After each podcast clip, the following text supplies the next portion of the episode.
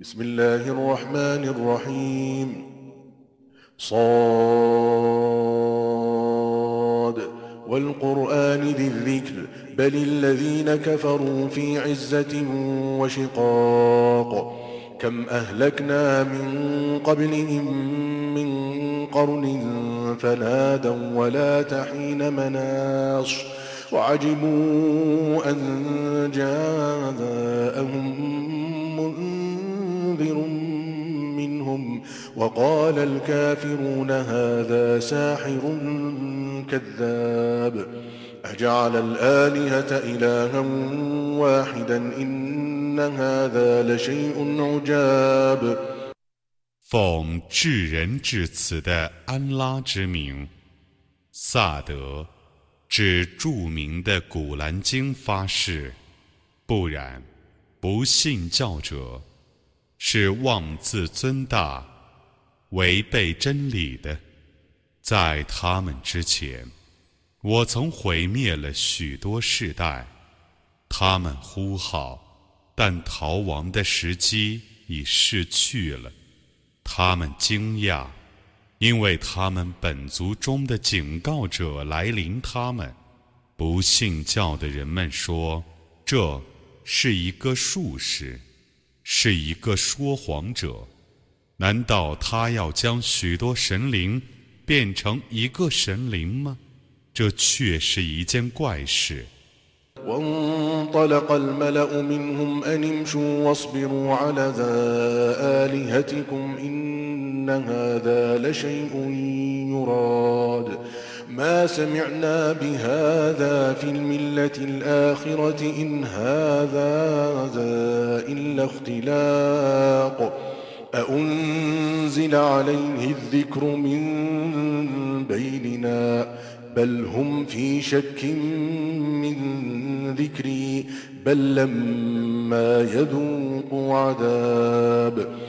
他们中的贵族们起身说：“你们去吧， 你们坚忍着崇拜你们的众神灵吧。这却是一件前定的事儿，在最后的宗教中，我们没有听见这种话，这种话只是伪造的。”难道教会降于他，而不降于我们吗？不然，他们对于我的教训是在怀疑之中；不然，他们还没有尝试我的刑罚。أم عندهم خزائن رحمة ربك العزيز الوهاب أم لهم ملك السماوات والأرض وما بينهما فليرتقوا في الأسباب جند ما هنالك مهزوم من الأحزاب 难道他们有你万能的博施的主的慈恩的库藏吗？难道他们有天地万物的主权吗？假若他们有，就叫他们沿天梯而上吧。 他们是由各党派联合起来的乌合之众，他们将要在那里败北。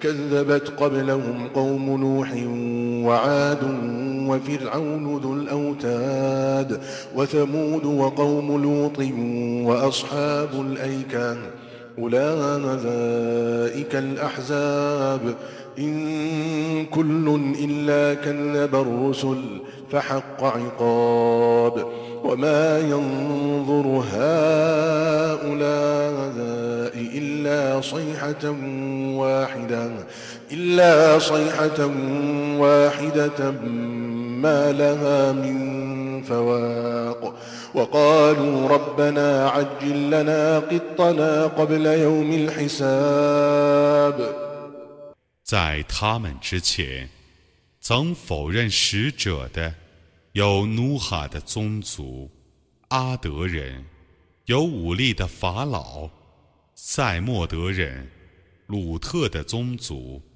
茂林的居民，这些都是党派。他们之中没有一个未曾否认使者的，所以我的惩罚是必然的。这些人只等待一声喊叫，那是不耽搁一霎时的。他们说：“我们的主啊，在清算日之前，请你快将我们所应得的刑罚降示我们吧。” اصبر على ما يقولون واذكر عبدنا داود ذا الأيد إنه أواب إنا سخرنا الجبال معه يسبحن بالعشي والإشراق والطير محشورة كل له أواب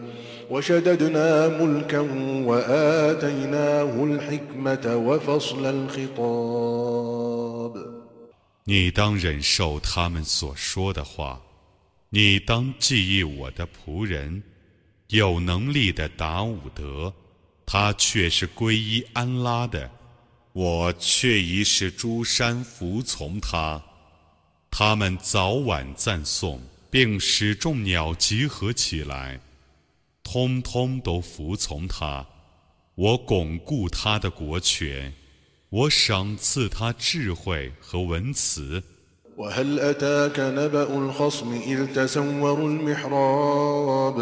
وهل أتاك نبأ الخصم إذ تسوروا المحراب إذ دخلوا على داود ففزع منهم قالوا لا تخف قالوا لا تخف خصمان بغى بعضنا على بعض فاحكم بيننا بالحق ولا تشطط ولا تشطط واهدنا إلى سواء الصراط 两造来告状的故事来临你了吗？ 当时，他们逾墙而进入内殿。当时，他们去见达伍德，他为他们而恐怖。他们说：“你不要恐怖，我们是两造，被告曾欺负了原告，请你为我们秉公裁判，请你不要偏袒，请你指引我们正路。”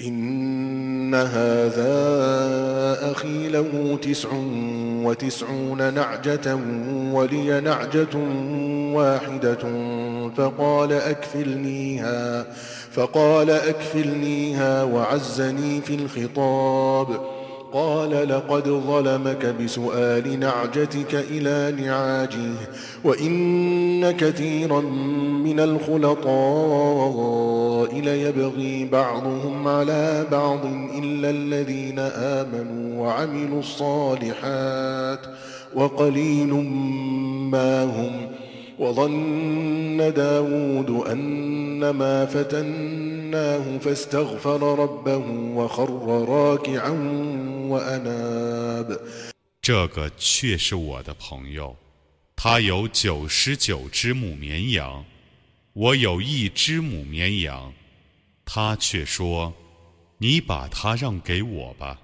他在辩论方面战胜我。达伍德说。 他却已欺负你了，因为他要求你把你的母绵羊归并他的母绵羊，有许多伙计，的确相欺，为信教而行善者则不然，但他们是很少的。达伍德以为我考验他，他就向他的主求饶，且拜倒下去。并皈依他。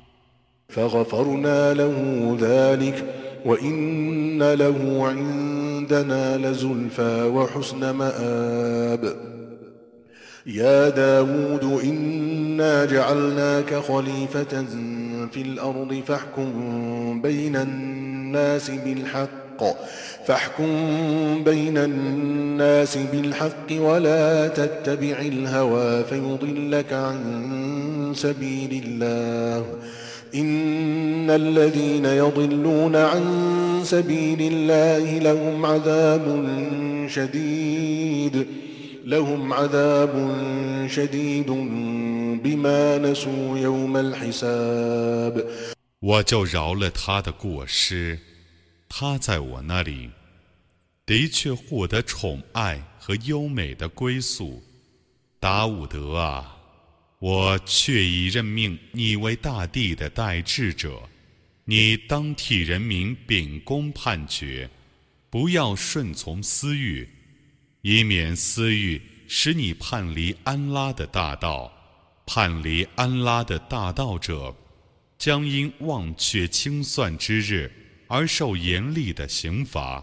وما خلقنا السماء والأرض وما بينهما باطلا ذلك ظن الذين كفروا فويل للذين كفروا من النار فويل للذين كفروا من النار أم نجعل الذين آمنوا وعملوا الصالحات كالمفسدين في الأرض أم نجعل المتقين كالفجار 我没有突然地创造天地万物，那是不信教者的猜测。悲哉！不信教的人们将受火刑。难道我是信教？ 而且行善者，像在地方上作恶者一样吗？难道我是敬畏者，像放肆的人一样吗？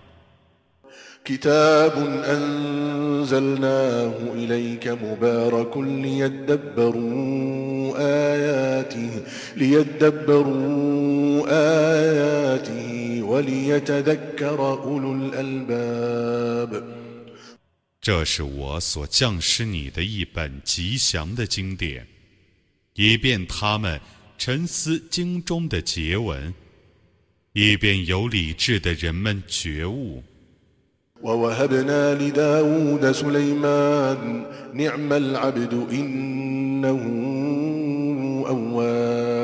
إذ عرض عليه بالعشي الصافنات الجياد فقال إني أحببت حب الخير عن ذكر ربي حتى توارت بالحجاب ردوها علي فطفق مسحا بالسوق والأعناق 我将素莱曼赐予达伍德，那个仆人真是优美。他却是皈依安拉的。当时，他在傍晚 检阅能静立、能奔驰的马队。他说：“我的确为记忆我的主而喜好马队，直到他们被帷幕遮住了。”他说：“你们将他们赶回来吧。”他就着手抚摸。那些马的腿部和颈部。ولقد فتنا سليمان وألقينا على كرسيه جسدا ثم أناب.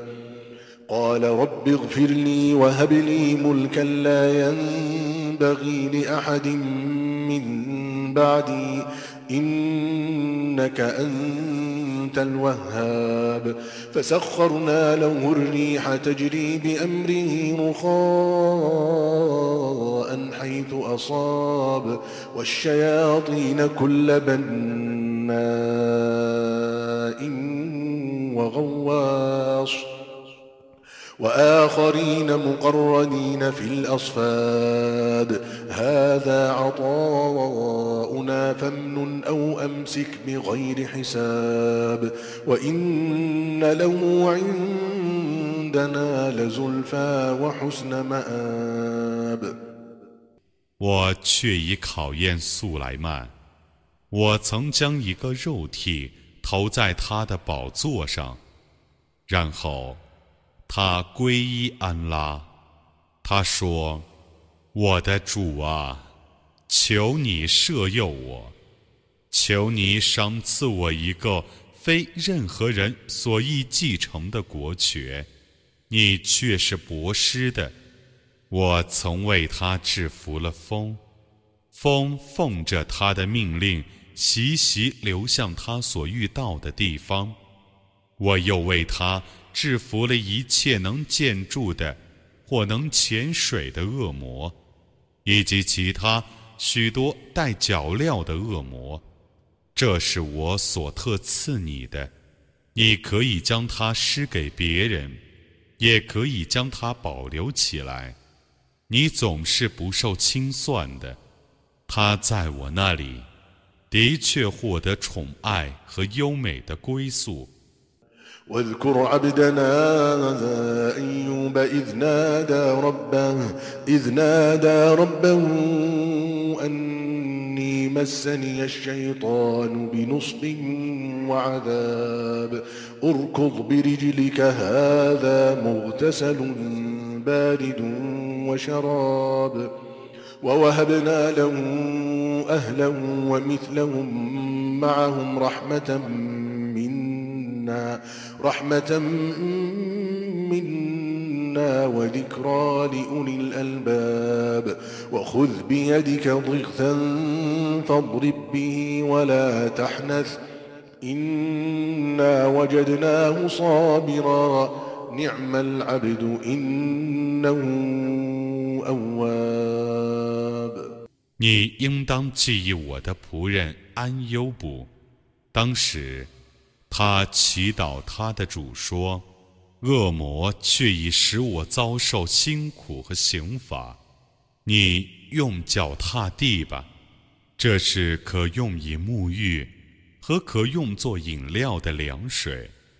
我曾以他的眷属和向他们的同齐赏赐他。”那是由我降下的慈恩，也是由于教会有理智的人们。你当亲手拿一把草，用它去打一下。你不要违背誓约，我却已发现他是坚忍的。那仆人真优美，他却是皈依安拉的。واذكر عبادنا إبراهيم وإسحاق ويعقوب أولي الأيدي والأبصار. إنا أخلصناهم بخالصة ذكر الدار. وإنهم عندنا لمن المصطفين الأخيار. واذكر إسماعيل واليسع وذا الكفل وكل من الأخيار 你应当记忆我的仆人伊布拉辛、伊斯哈格、叶尔孤白，他们都是有能力、有眼光的。我使他们成为真诚的人，因为他们有一种纯洁的德性，常念后世。 他们在我那里，却是特选的，却是纯善的。你当记忆伊斯玛仪、艾勒叶塞尔、祝勒基弗勒，他们都是纯善的。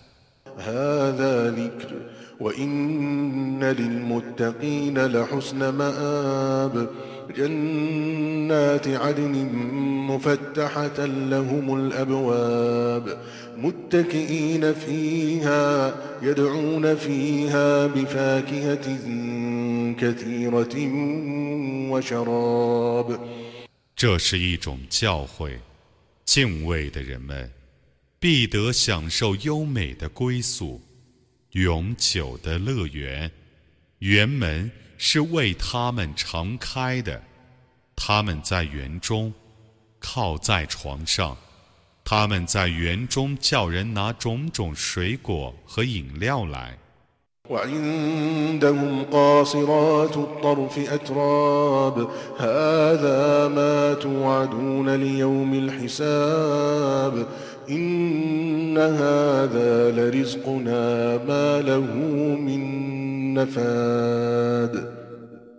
他们有不是非礼的童年的伴侣，这是应许你们在清算日之后的享受的，这却是我的给养，他将永不庆尽。وإن للطاغين لشر مآب جهنم يصلونها فبئس المهاد هذا فليذوقوه حميم وغساق وآخر من شكله أزواج هذا فوج مقتحم معكم لا مرحبا بهم لا مرحبا بهم إنهم صالوا النار قالوا بل أنتم لا مرحبا بكم أنتم قدمتموه لنا فبئس القرار 这是事实，放荡者 必定要得一个罪恶的归宿。那就是火狱，他们将入其中，那沃入真恶劣，这是事实。他们将尝试刑罚，那刑罚是很热的饮料和很冷的饮料，还有别的同样恶劣的各种饮料。这些是与你们一起突进的队伍，他们不受欢迎。他们必入火狱，他们将说：“不然，你们才是不受欢迎的。你们曾把我们诱惑到这种境地，这归宿真恶劣。” قالوا ربنا من قدم لنا هذا فزده عذابا فزده عذابا ضعفا في النار. وقالوا ما لنا لا نرى رجالا كنا نعدهم من الأشرار. اتخذناهم سخريا أم زاغت عنهم الأبصار إن ذلك لحق تخاصم أهل النار 他们将说我们的主啊，谁把我们诱惑到这种境地？求你使谁在火狱中受加倍的刑罚？ 他们将说：有许多人，从前我们认为他们是恶人，现在怎么不见他们呢？我们曾把他们当笑柄呢？还是我们过去看不起他们呢？居火狱者的争论是必然的。قل إنما أنا منذر وما من إله إلا الله الواحد القهار وما من إله إلا الله الواحد القهار رب السماوات والأرض وما بينهما العزيز الغفار قل هو نبأ عظيم. أنتم عنه معرضون. ما كان لي من علم بالملأ الأعلى إذ يختصمون.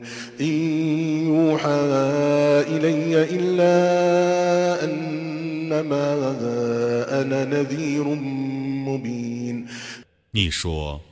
我只是一个警告者，除独一至尊的安拉外，绝无应受崇拜的。他是天地万物的主，他是万能的、至赦的。你说，那是一个重大的消息，你们却离弃他。当上界的众天神争论的时候，我不知道他们的情形。我只奉到启示说，我是一个坦率的警告者。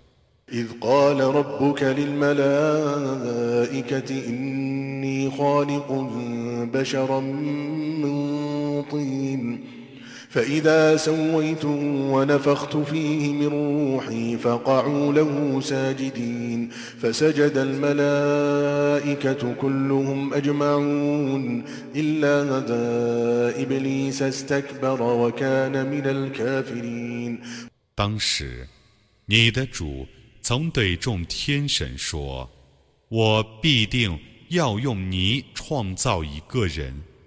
当我把他造出来， 并将我的精神吹入他的体内的时候，你们当为他倒身叩头。众天神全体一同叩头，唯伊布利斯自大，他原是不信教者。” قال يا إبليس ما منعك أن تسجد لما خلقت بيدي؟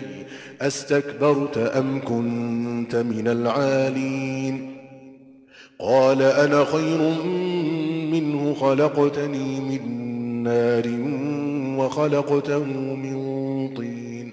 قال فاخرج منها فإنك رجيم وإن عليك لعنتي. 主说：“伊普利斯啊，你怎么不肯对我亲手造的人叩头呢？你自大呢，还是你本是高尚的呢？”他说：“我比他高贵。你用火造我，用泥造他。”主说：“你从乐园中出去吧。”你却是被放逐的，你必遭我的气绝，直到报应日。قال رب فأنظرني إلى يوم يبعثون قال فإنك من المنظرين إلى يوم الوقت المعلوم قال فبعزتك لأغوينهم أجمعين إلا عبادك منهم المخلصين قال فالحق والحق أقول لأملأن جهنم منك وممن تبعك منهم أجمعين 他说：“我的主啊，求你宽待我到人类复活之日。”主说：“你必定被宽待。”直到复活时来临之日，他说：“ 以你的尊荣发誓，我必将他们全体加以诱惑，为不诱惑你的纯洁的仆人。”他说：“我的话却是真理，我只说真理，我必以你和人类中顺从你的。”同其充满火域。قل ما أسألكم عليه من أجر وما أنا من المتكلفين إن هو إلا ذكر للعالمين ولتعلمن نبأه بعد حين 你说，我不为传达使命。 而向你们索取任何报酬，我不是造谣的，这只是对众世界的教诲。在一个时期之后，你们必定知道关于这教会的消息。